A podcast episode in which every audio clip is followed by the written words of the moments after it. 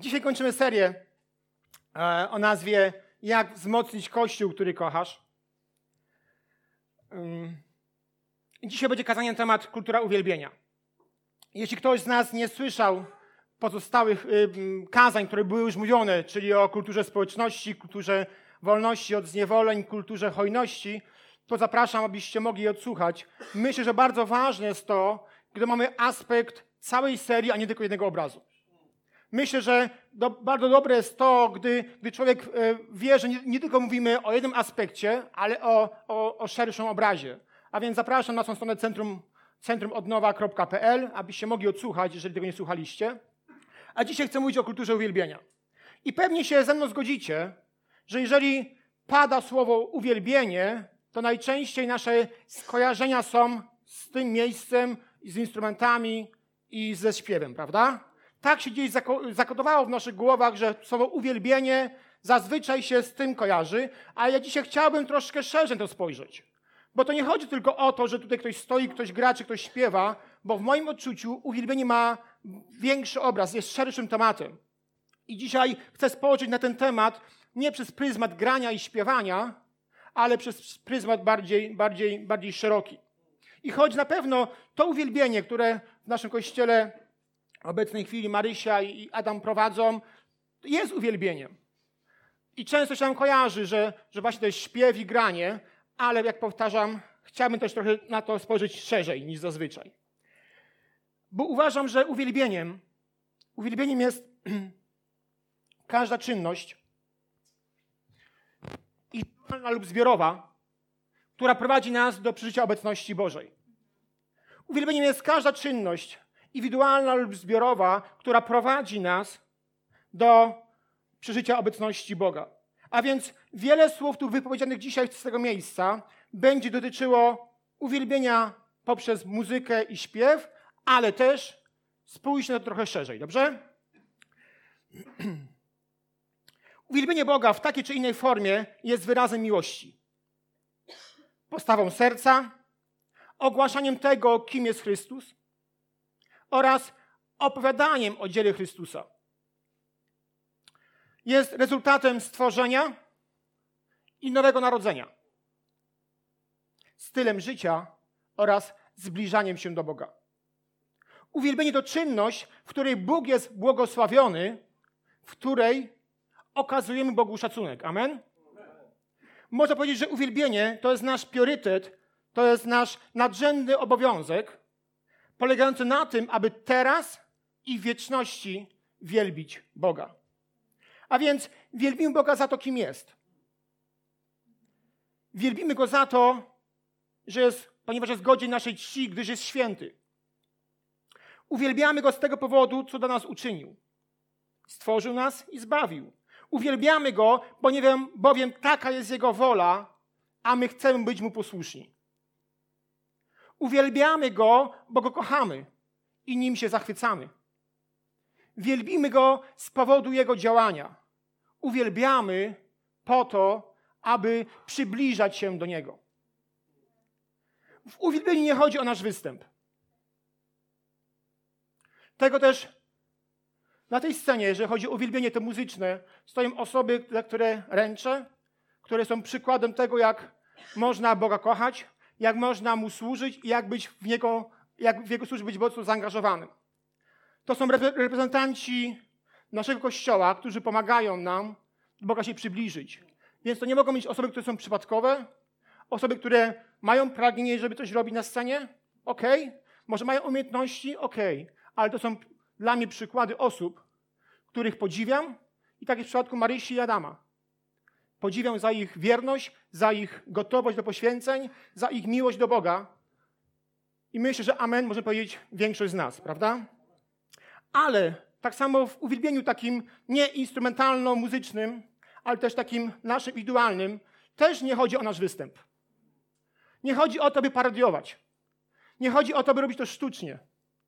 Bo Bogu zależy na naszej szczerości. Bóg mówi, później do tego wrócę, aby Go wielbić w duchu i w prawdzie, w szczerości, w tym wszystkim, co nas obdarzył. A więc nie chodzi o nasz występ, abyśmy kokietowali, abyśmy e, tworzyli przed Bogiem swój niewłaściwy obraz, bo przecież Bóg wie, jacy jesteśmy i co przeżywamy. Bóg o tym wie, nie musimy przed Nim niczego udawać. Dlatego chcę dzisiaj mówić o tym, jak stać, stać się chwalcą Boga. Częścią składową, ważnym ogniwem kultury uwielbienia.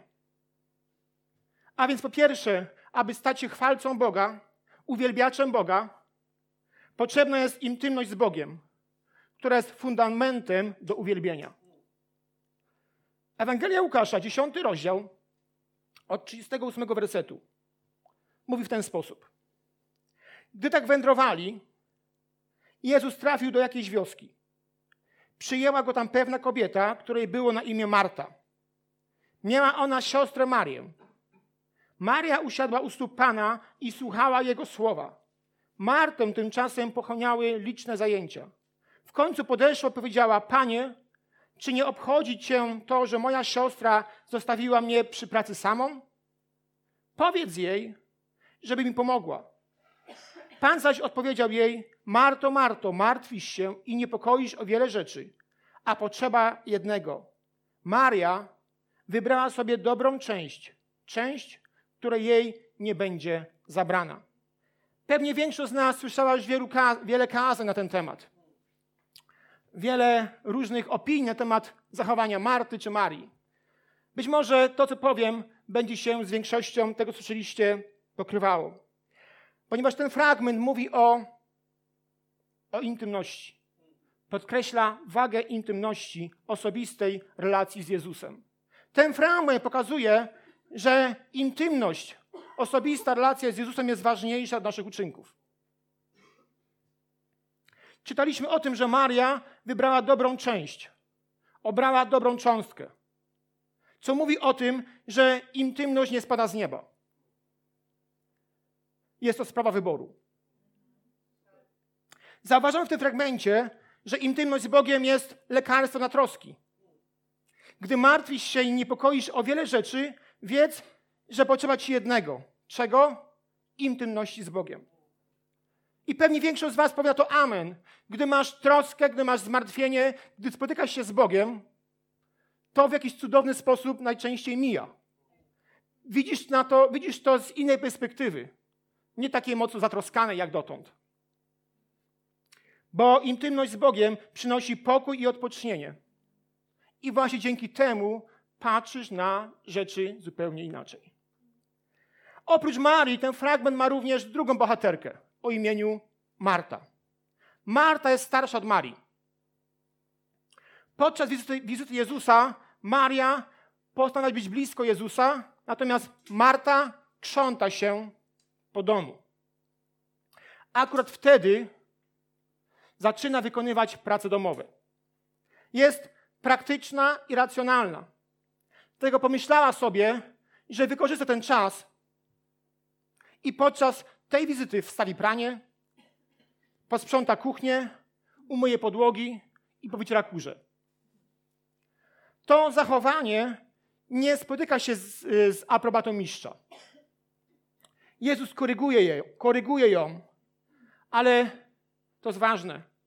Moim zdaniem nie zwraca uwagi za to, jak niektórzy mówią, że ma serce do służby i że jest tak zwaną działaczką, tylko zwraca jej uwagę za to, strofuje ją za to, że robi to właśnie w tym czasie. W tym czasie, gdy jest Jezus u nich w domu. A więc to nie jest negacja tego, że mam nie służyć, nie działać dla Pana Boga. Czy nie działać, czy nie być w swój dom zaangażowany. Tylko chodzi o to, że są rzeczy ważne i ważniejsze. I Jezus za to ją strofuje, że akurat w tym czasie, gdy On był u nich, powinna z Nim przebywać, a niekoniecznie ogarniać dom. To tak jakby w czasie e, modlitwy, grupy nabożeństwa pojechałbyś po zakupy, czy na zakupy, choć mógłbyś zrobić to w innym czasie. To tak jakby w czasie, gdy masz e, możliwość czytania Biblii, modlenia się, robisz coś zupełnie innego, co możesz zrobić w innym czasie. Za to Jezus neguje, strofuje. Nie mówi o tym, że mamy swój dom zaniedbywać, jak niektórzy uważają, ale chodzi o to, że są rzeczy ważne i ważniejsze. Że czasami pranie, sprzątanie, e, coś jeszcze może poczekać, bo ważniejszy jest Jezus i relacja z Nim. Amen? Więc uważam, że tak powinniśmy to zachowanie interpretować. Po przykładzie Marty widzimy również, jakie symptomy mają ludzie, którym brakuje intymności z Bogiem. I dlatego z dużym prawdopodobieństwem możemy stwierdzić, że ludzie, którym brakuje intymności z, z Bogiem, będą mieli tendencję do szemrania, marudzenia, niezadowolenia. Ewangelia Łukasza, 10 rozdział, 40 werset. Panie, czy nie obchodzi Cię to? Wyczuła się pretensje do Jezusa za to, że ona pracuje, a jej siostra nie. Również z tego, z tego wersetu możemy zauważyć brak poszanowania dla autorytetów. To Jezus był mistrzem, on jest Panem, a ten ton chyba nie do końca jest właściwy. Widzimy też syndrom, że występuje syndrom ofiary. Ewangelia Łukasza 10:40. Moja siostra zostawiła mnie przy pracy samą. Coś wam powiem. Intymność z Bogiem musi zajmować pierwsze miejsce przed służbą. Intymność z Bogiem musi zajmować miejsce przed służbą. Gdy tak nie jest, to to, co robimy, uważamy za karę, a nie za przywilej. Gdy odchodzisz od Boga, gdy ta intymność z Bogiem gdzieś zanika, to wszystkie, powiedzmy, obowiązki, coś, co jest przywilejem, staje się karą. I patrzymy na to przez pryzmat, że muszę, a nie, że mogę i chcę. Widzimy też w tej postawie żądania. Ewangelia Łukasza 10:40. Powiedz jej, żeby im pomogła. Gdy jesteśmy z Bogiem złączeni, to jesteśmy w stanie biec z Nim w służbie. Gdy jesteśmy odłączeni od Niego, biegniemy sami. Pojawiają się żądania, pojawiają się roszczenia, pojawia się wszystko to, co chyba nie powinno występować. Służba, służba Jemu i dla Niego nie jest oparta o żądania, tylko o proszenie. Tutaj ewidentnie tego zabrakło. Widzimy też tendencję do koncentrowania się na zajęciach, nie na relacjach. Łukasza 10:40 ciągle. Marty tymczasem pochłaniały liczne zajęcia. Jak już mówiliśmy, z powodu braku intymności z Bogiem, różnego typu zajęcia, coś, co mogły poczekać, staje się priorytetem. Relacja z Bogiem jest czymś, co idzie na dalszy plan. Nie wiem, czy wy tak macie, ale czasami jest tak, ja najczęściej modlę się i czytam Biblię rano, ponieważ mam najświeższy umysł. Teraz już nie, ale miałem taki okres, gdy zbierałem się do tego czasu, aby się modlić i poświęcać czas na Biblię, to nagle włączało mi się mnóstwo różnych rzeczy. To muszę załatwić, to muszę zrobić, tamto muszę ogarnąć i nagle, wiecie, zamiast człowiek być na tym skoncentrowany, myślałem o czymś zupełnie innym, co nie było takim bardzo pilnym na teraz. To nie chodzi o to, żeby e, czekać z wyłączeniem e, wody, której się gotuje, ale coś, co mogło czekać, e, na, cze, trochę czekać, w, e, być w, w czasie odłożone. I nagle miałem całą głowę zawaloną obowiązkami, tym wszystkim, co miałem zrobić. I gdy otwierałem Biblię, to nagle czytałem i nic do mnie nie dochodziło, ponieważ mój umysł był czymś innym, na czymś innym skoncentrowany. Musiałem z tym walczyć, świadomie z tym walczyć. I teraz mi się udaje, że jeżeli jest ten czas dla mnie z Bogiem, to po prostu e, nawet nie biorę telefonu, nic. Jest to czas, w którym poświęcam się dla Pana Boga i, i Bóg do mnie mówi. I to jest ważne, bo jeżeli tego nie mamy, to zajęcia stają się ważniejsze od intymności z Bogiem. Czytasz Biblię, ale jesteś daleko dalej, w innym miejscu. Kolejna rzecz, ostatnia. Widzimy emocjonalne wzloty i upadki. Ewangelia Łukasza 10:38. 10, Przyjęła go tam pewna kobieta, której było na imię Marta. Ewangelia Jana 11, 21, 22. Marta natomiast zwróciła się do Jezusa. Panie, gdybyś tu był, mój brat by nie umarł. A później, ale teraz wiem, że Bóg da ci wszystko, o co go poprosisz. Marta najpierw otworzyła swój dom dla Jezusa, a później go skarciła. To świadczy o pewnej duchowej sinusoidzie, o pewnym zlocie i upadku. I gdy duchowa sinusoida następuje, to nic dobrego nie jest.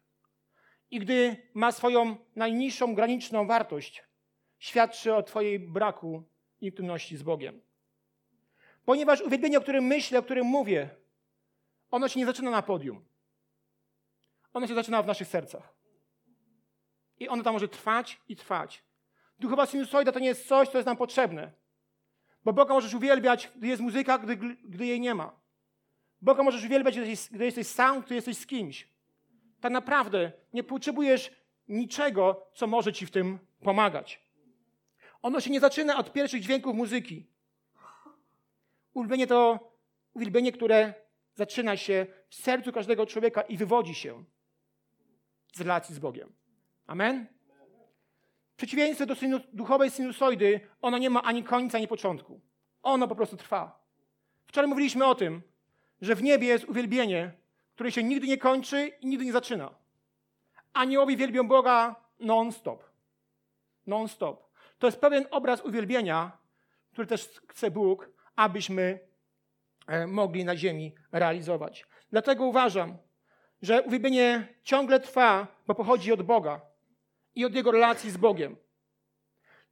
I od naszej relacji z Bogiem. Dlatego Bóg nie szuka uwielbienia, bo On już je ma w niebie. Ale Bóg szuka ludzi, którzy Go uwielbiają. To jest znacząca różnica. Bóg nie szuka uwielbienia. On już ma w niebie. Bóg szuka ludzi na ziemi, którzy będą Go uwielbiać. Uwielbienie i muzyka są bardzo ważne. Ten rodzaj uwielbienia przynosi Bożą obecność prowadza Bożą obecność, ale dużo ważniejsze od tego uwielbienia tutaj na scenie jest Twoja i moja relacja z Jezusem, bo wtedy to uwielbienie się rodzi. Wtedy ono trwa. I tak naprawdę, jeżeli masz w sercu to uwielbienie, masz tę relację z Bogiem, tak jak powiedziałem, nie potrzebujesz rytmów takich czy innych. Czasami zamykasz oczy i po prostu uwielbiasz Boga. Uwielbiasz Boga w takiej czy innej formie. Tak naprawdę, gdy masz taką relację z Bogiem, to wcale nie musisz grać ani śpiewać. Bo do uwielbienia duch cię przynagla. Powiedziałem, zamykasz oczy i uwielbiasz go tak, jak potrafisz. Co cechuje chwalce Boga? Pięć rzeczy, które myślę, że bardzo mocno cechują chwalce Boga. Po pierwsze, oddanie Bogu całym sercem. Ewangelia Łukasza 10:27. Będziesz miłował Pana Boga swego z całego serca swego. Uwielbienie płynące z całego serca jest oddaniem Mu wszystkiego. Żona pragnie, aby mąż kochał ją całym sercem, nie kawałkiem serca. Żona pragnie, aby mąż był szczodry wobec niej we wszystkim, miłości, w hojności, w obdarowaniu, w czymś jeszcze. Pomóżcie mi, mężowie. A, widzę, okej, okay, idziemy dalej. W czasie, w czasie, we wszystkim, w słowach, w uczuciach. Podobnie jest z Bogiem. Bóg oczekuje, jeżeli Go wielbimy, to całym sercem. Nie troszkę, a reszta ona będzie na później. On chce, abyśmy całym sercem Go wielbili, abyśmy Mu oddawali wszystko to, co Jemu się należy. Do Jego chwalce Boga są szczodrzy, w hojności, w miłości, w oddaniu, w postawie, w czasie, uczuciach i sile uwielbienia. Po drugie, chwalce Boga charakteryzuje emocjonalność i ekspresyjność. Ewangelia Łukasza 10:27. Będziesz miłował Pana Boga swego z całego serca swego i z całej duszy swojej. Pewnie wiecie o tym, co się mieści w duszy. Między innymi emocje. Miłowanie Boga z całej duszy zawiera w sobie emocje, a uwielbienie pełne z naszych uczuć. Takie osoby jak chwalcy Boga są swobodni w wyrażaniu uczuć. Dlatego uwielbiają Boga nie tylko wewnętrznie czy intelektualnie, ale ekspresyjnie. Ich uwielbienie jest pełne wyrazu i jest przepełnione uczuciami. Po trzecie, nieustannie uwielbiają Boga. List do Hebrajczyków 13, 15, 16. Przez niego więc nieustannie składamy Bogu ofiarę pochwalną, to jest owoc warg, które wyznają Jego imię. A nie zapominajcie dobroczynności i pomocy wzajemnej, takie bowiem ofiary podobają się Bogu. I jeszcze Psalm 145 i pierwsze dwa wersety. Będę Cię wywyższał, mój Boże i Królu, i błogosławił Twoje imię wiecznie. Będę Cię błogosławił, czynił to codziennie, a Twoje imię wysławiał na wieki. Sam potężny Bóg jest obiektem naszej chwały. On się nie zmienia. On nie ma złego humoru, on nie ma złego nastawienia, on nie ma z... focha, on nie ma czegoś, co by mówiło o tym, że możemy go w mniejszym stopniu uwielbiać. On był taki wczoraj, jaki jest dzisiaj i jaki będzie jutro. A więc pamiętając o tym, że Bóg jest niezmienny, to też nasze uwielbienie powinno być niezmienne. Ono być nieustanne. I również wtedy, gdy jest dobrze i czy jest źle. To jest bardzo ważne, abyśmy też nieustannie wielbili Boga, ponieważ Bóg nie ma złego dnia. Jego chwała nigdy się nie zmniejsza. Jego królestwo nie ma końca. On oczekuje od nas takiego uwielbienia ciągle. Ciągle takiego dobrego. Pierwszy list do Tesaloniczan 5,18 mówi: Zawsze się radujcie. Nieustannie się módlcie. Za wszystko dziękujcie, gdyż taka jest wola Boża w Chrystusie Jezusie względem Was. Księga Habakuka, trzeci rozdział, 17-18 werset. Choćby nie zakwitły figi, figowce, winorość straciła swój plon, zabrakło na drzewach oliwek i nadziei na chleb z plonów pól, choć w zagrodach wybito by owce, obory opustoszałyby z krów, ja jednak będę radował się w Panu, cieszył Bogiem mojego zbawienia. Często pierwszym krokiem do uwielbienia jest to, abyśmy podjęli decyzję, że chcemy Go wielbić. Bez względu na to, jak się czuję, bez względu na to, co przeżywam, co mi dolega, chcę mieć, podjąć decyzję, Boże, chcę Cię uwielbiać, gdy jest dobrze, czy gdy jest źle. A więc uczyjmy taki sposób uwielbienia naszym nawykiem. Prośmy Boga o to, aby dawał nam siły, aby również tam, w momentach, w których jest nam słabo, abyśmy też mogli Go uwielbiać. Dziękujmy Mu za to, każdego dnia, co dla nas uczynił, co dla nas zrobił. W chwilach kryzysu, który to ja też mam, wiem, że jeżeli zaczynam od wdzięczności wobec Boga, czasami jest trudno się przełamać, na początku trudno Boga wielbić takim całym swoim sercem, ale gdy to robisz, później to puszcza. Więc to jest też kwestia naszego wyboru, aby po prostu zacisnąć zęby i wielbić Boga. Po czwarte, czwartą cechą chwalcy jest to, że wychwala Boga prywatnie i publicznie. Psalm 149, 5 i 6 werset. Niech wierni radują się z chwały, wesoło śpiewają na swym posłaniu, niech w ustach ich będzie uwielbienie Boga. Psalm 35, 18. A ja Ci podziękuję na największym zgromadzeniu.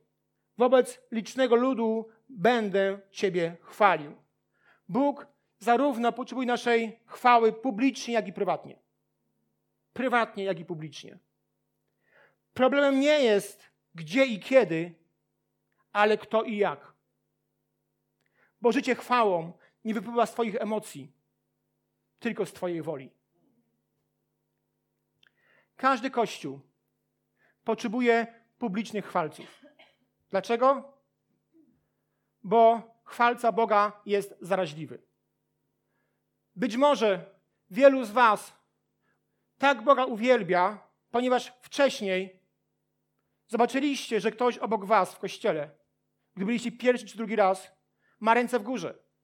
Może dostrzegliście, że ktoś ma ręce e, otwarte, może ktoś klęczy, może ktoś, a więc każdy kościół potrzebuje publicznych chwalców po to, aby inni mogli zobaczyć, jak Boga powinni chwalić. Też potrzebujesz Boga y, y, chwalić prywatnie w swojej komorze, tam, gdzie nikt tego nie widzi. Chwalca z powodu przywiązania do Boga jest przykładem i rozpala pasję u innych. Jesteśmy zbudowani tym, gdy ktoś chwali Boga.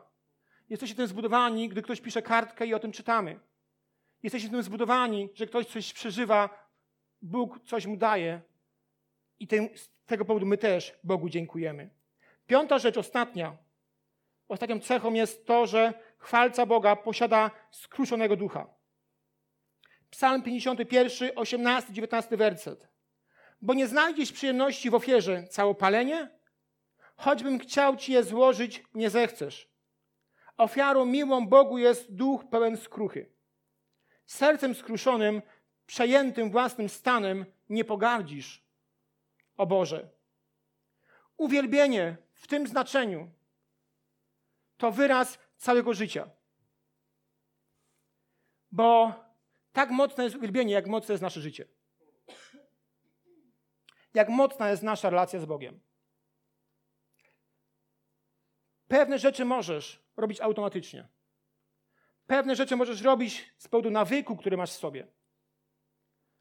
Ale jeżeli chodzi o uwielbienie pełne mocy, uwielbienie, które jest wynikiem skruszonego ducha, to jest tylko wynik Twojej i mojej relacji z Bogiem.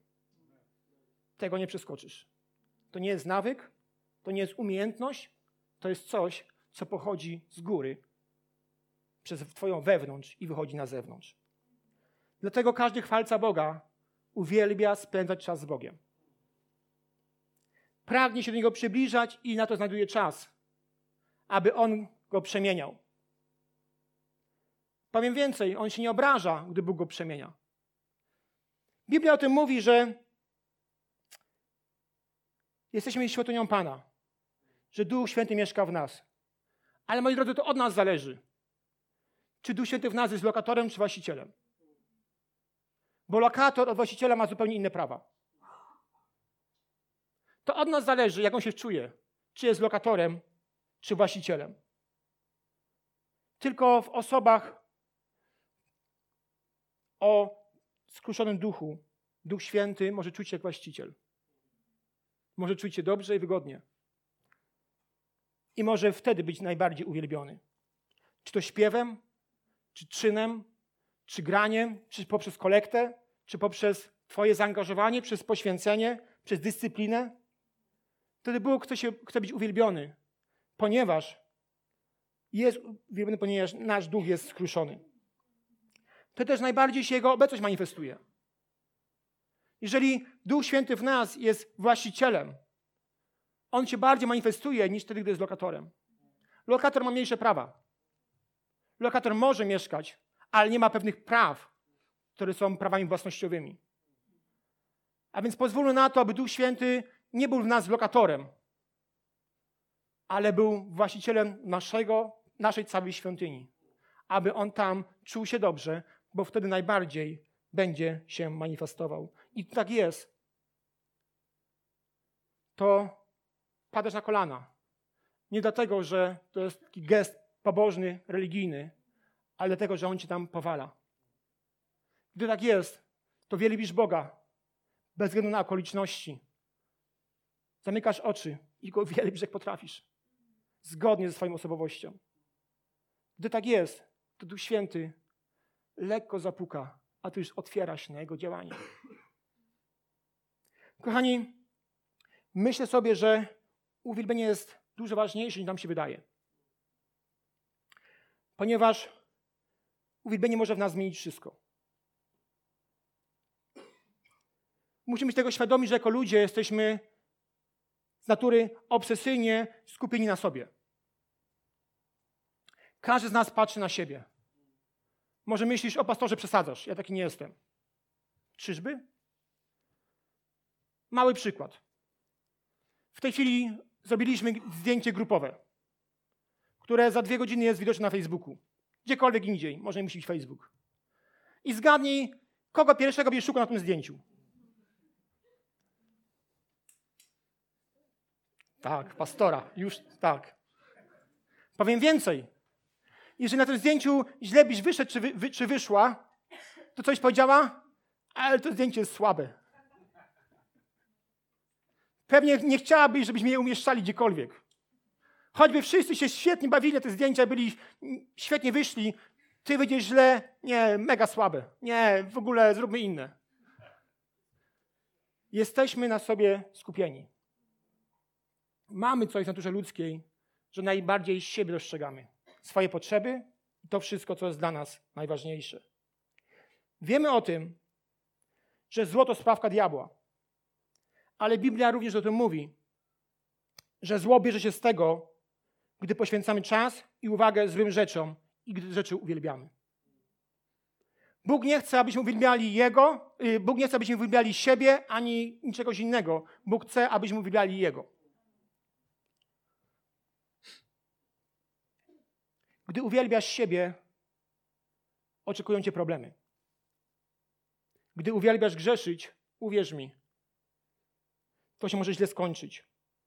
Bo gdy uwielbiamy złe rzeczy, to stajemy po stronie zła. A przecież to diabeł chce, wczoraj o tym mówiliśmy, aby nasze uwielbienie szło w jego kierunku. Jeśli chodzi o nasz Kościół, bardzo cieszę się to, z tego, że coraz więcej ludzi e, chyba się przełamuje i uwielbia Boga coraz mocniej, coraz głośniej, coraz piękniej. Wielokrotnie jestem wzruszany z tego powodu, że mówicie o tym, co z Bogiem przeżywacie w domu, na grupach, na modlitwie. Dzisiaj Bartek mi o tym mówił, że w ciągu y, trzech miesięcy y, napisaliśmy 100 kartek z podziękowaniami. To świadczy o tym, że coś, coś przeżywamy z Panem Bogiem. Jesteśmy na dobrej drodze, aby to było jeszcze lepsze, jeszcze mocniejsze. Bardzo ważne jest to, abyśmy widzieli, myśleli o tym, że gdy Boga wielbisz poprzez modlitwę czy różne inne rzeczy, to do Niego się przybliżasz. Musimy o tym pamiętać, że kulturą, że religijność naszego kraju polega na smutku. Tymczasem kulturą Nowego Testamentu jest kultura uwielbienia. Wyrażana w ekspresyjny, uwaga, pasujący do Twojej osobowości sposób. Nigdzie Bóg nie mówi, że masz uwielbiać tak i tak, że masz skakać na taką wysokość, a skoczysz niżej, to jest źle. Nie. Bóg nas do tego zachęca, abyśmy po prostu byli sobą. Abyśmy po prostu byli sobą, abyśmy w sposób pasujący do naszej osobowości to robili. Ostatnia myśl przed uwielbieniem Boga poprzez muzykę, później kolektę. Powiedzmy, że na tej sali tu jest milioner. Andrzej, czy ty możesz być stać dla mnie milionerem? Na chwilę chociaż? Ale tak, wiesz, żeby wszystko było jasne, możesz być dłużej niż za chwilę, nic nie przeszkadza. Ale w tej potrzebuję ciebie jako milionera, ok? Grzesiu, tam nie fajnie patrzysz. Grzesiu, powiedz nam o, o jakimś swoim marzeniu. Dobra, chcesz kupić żonie samochód. Dobra, okej. Okay. Ja mam marzenie dla ciebie. Chcesz kupić żonie samochód. I Andrzej to słyszy. Mówisz o tym przy wszystkich, Andrzej to słyszy. Nagle Andrzej wstaje. Andrzej wstaje, obraca się do Grzesia i mówi taką rzecz. Bardzo podoba mi się Twoje marzenie. Chcę Ci jutro na konto 100 tysięcy złotych, abyś mógł kupić żonie fajny samochód. I Andrzej siada. A Grzesiu dziękuję. Marek, Marek ostatnio dawał stówę. Co tam stuwa? 100 tysięcy to jest kwota. I zobaczcie, Andrzej, niepozorny milioner, siedzi sobie wśród nas, nikt o tym nie wie. Ale gdy robi takie coś, to dla Grzesia i dla nas wszystkich jego obecność ma dużo większe znaczenie. Prawda? Dlatego, że manifestuje coś poprzez swój czyn. I myślę sobie tak jest z uwielbieniem i z Bogiem w roli głównej. Uwielbienie to jest coś, gdzie oddajemy Bogu chwałę. Ale to jest też dobry moment na to, aby oczekiwać Jego manifestacji. Bo wiemy o tym, że On jest Bogiem, że jest święty, że potrafi się manifestować. Ale zupełnie czymś innym jest, gdy Go doświadczamy. Bo w Kościele nie chodzi o to, aby się tylko o Nim uczyć. W Kościele nie chodzi o to, aby Jego obserwować. W Kościele chodzi o to, aby Go doświadczać. Amen? A więc dla mnie uwielbienie jest idealnym momentem, żeby wyrażać Bogu swoją wdzięczność, żeby naprawdę być blisko Niego, ale też oczekiwać. Oczekiwać na Jego działanie, aby nas dotykał przez miłość, przez dotyk, przez słowo procze, przez wszystko to, co On chce użyć, aby nam pomóc. To nie jest tylko przemodlenie pewnego czasu, to nie jest tylko prześpiewanie pewnego czasu. To jest, to jest chwila, w których otwierasz się na Boga i mówisz: Boże, uwielbiam Cię, działaj. Dla każdego z nas uwielbienie się zmienia, gdy doświadczysz Jego obecności. Gdy modlisz się do Niego i Cię słyszy, masz tą pewność, że reaguje, to zupełnie inaczej to wygląda. Zupełnie inaczej. Andrzej milioner, super, Ale gdy robi to wobec Grzesia, Grzesiu o tej chwili myśli o skąd uciąć kasę i czy to Andrzej mówił szczerze o tym, o tym samochodzie. Ale zupełnie inaczej to wygląda, gdy on się manifestuje. Tak samo z Duchem Świętym. Super. Ale gdy ci dotyka, gdy dotyka twojej, twojego ducha, twojej duszy, to jest zupełnie inaczej. A więc zachęcam was, nas, abyśmy mogli teraz Boga uwielbiać poprzez muzykę i śpiew. Zapraszam Marysię Adama. Chciałbym, abyśmy wyrazili swoją wdzięczność poprzez śpiew, modlitwy, później kolektę, abyśmy wyrazili, wyrazili Mu to wszystko, co, co jest godzien, bo ono jest godzien naszej krwi, naszej, naszej, naszej, naszej czci. I ta myśl, która na zakończenie bardzo mocno do mnie przemawia, gdy uwielbiasz Boga w taki czy inny sposób, oczekuj na to, aż do Ciebie przyjdzie. Aż się zamanifestuje. Aż da Ci coś, da, da, da Ci odczuć to, jak święty jest. Dlatego chciejmy powstać. I uwielbiajmy Boga, tak potrafimy. Może się dzisiaj wstydzisz. Uwielbić, uwielbić Boga e, w inny sposób niż zazwyczaj. Może wiesz, że, że chcesz więcej, ale, ale po prostu się wstydzisz. Nie przejmuj się, bo w tym kościele są ludzie skoncentrowani albo na Bogu, albo na sobie, więc nikt nie zauważy, jak Boga uwielbiasz. Więc możesz zamknąć oczy, nikt na ciebie nie patrzy. Zrób tak, jak uważasz, co jest zgodne z twoją, z twoją osobowością, z tym, co Duch Święty ci poddaje. Ale proszę, nie stójmy, ale uwielbijmy Boga. Też szczerze o tym mówiliśmy na Akademii Odnowy, że w niebie trwa ciągle uwielbienie. Ciągle i ciągle. Chcielibyśmy Go uwielbiać, chociaż w jakiś sposób, troszkę jak oni, jakąś namiastką tego, co, co dzieje się w niebie. Uwielbimy Go Boga śpiewem, muzyką. Uwielbimy Go tak, potrafimy modlitwami. Niech On będzie w tym miejscu wywyższony. Pamiętajmy o tym, że jesteśmy częścią kultury uwielbienia. Nie kultury smutku, wywodzącej z religijności, ale kultury uwielbienia, w którym Bóg jest wywyższany poprzez radość, poprzez uniesienie, poprzez to wszystko, kim On jest. Wielbimy Boga.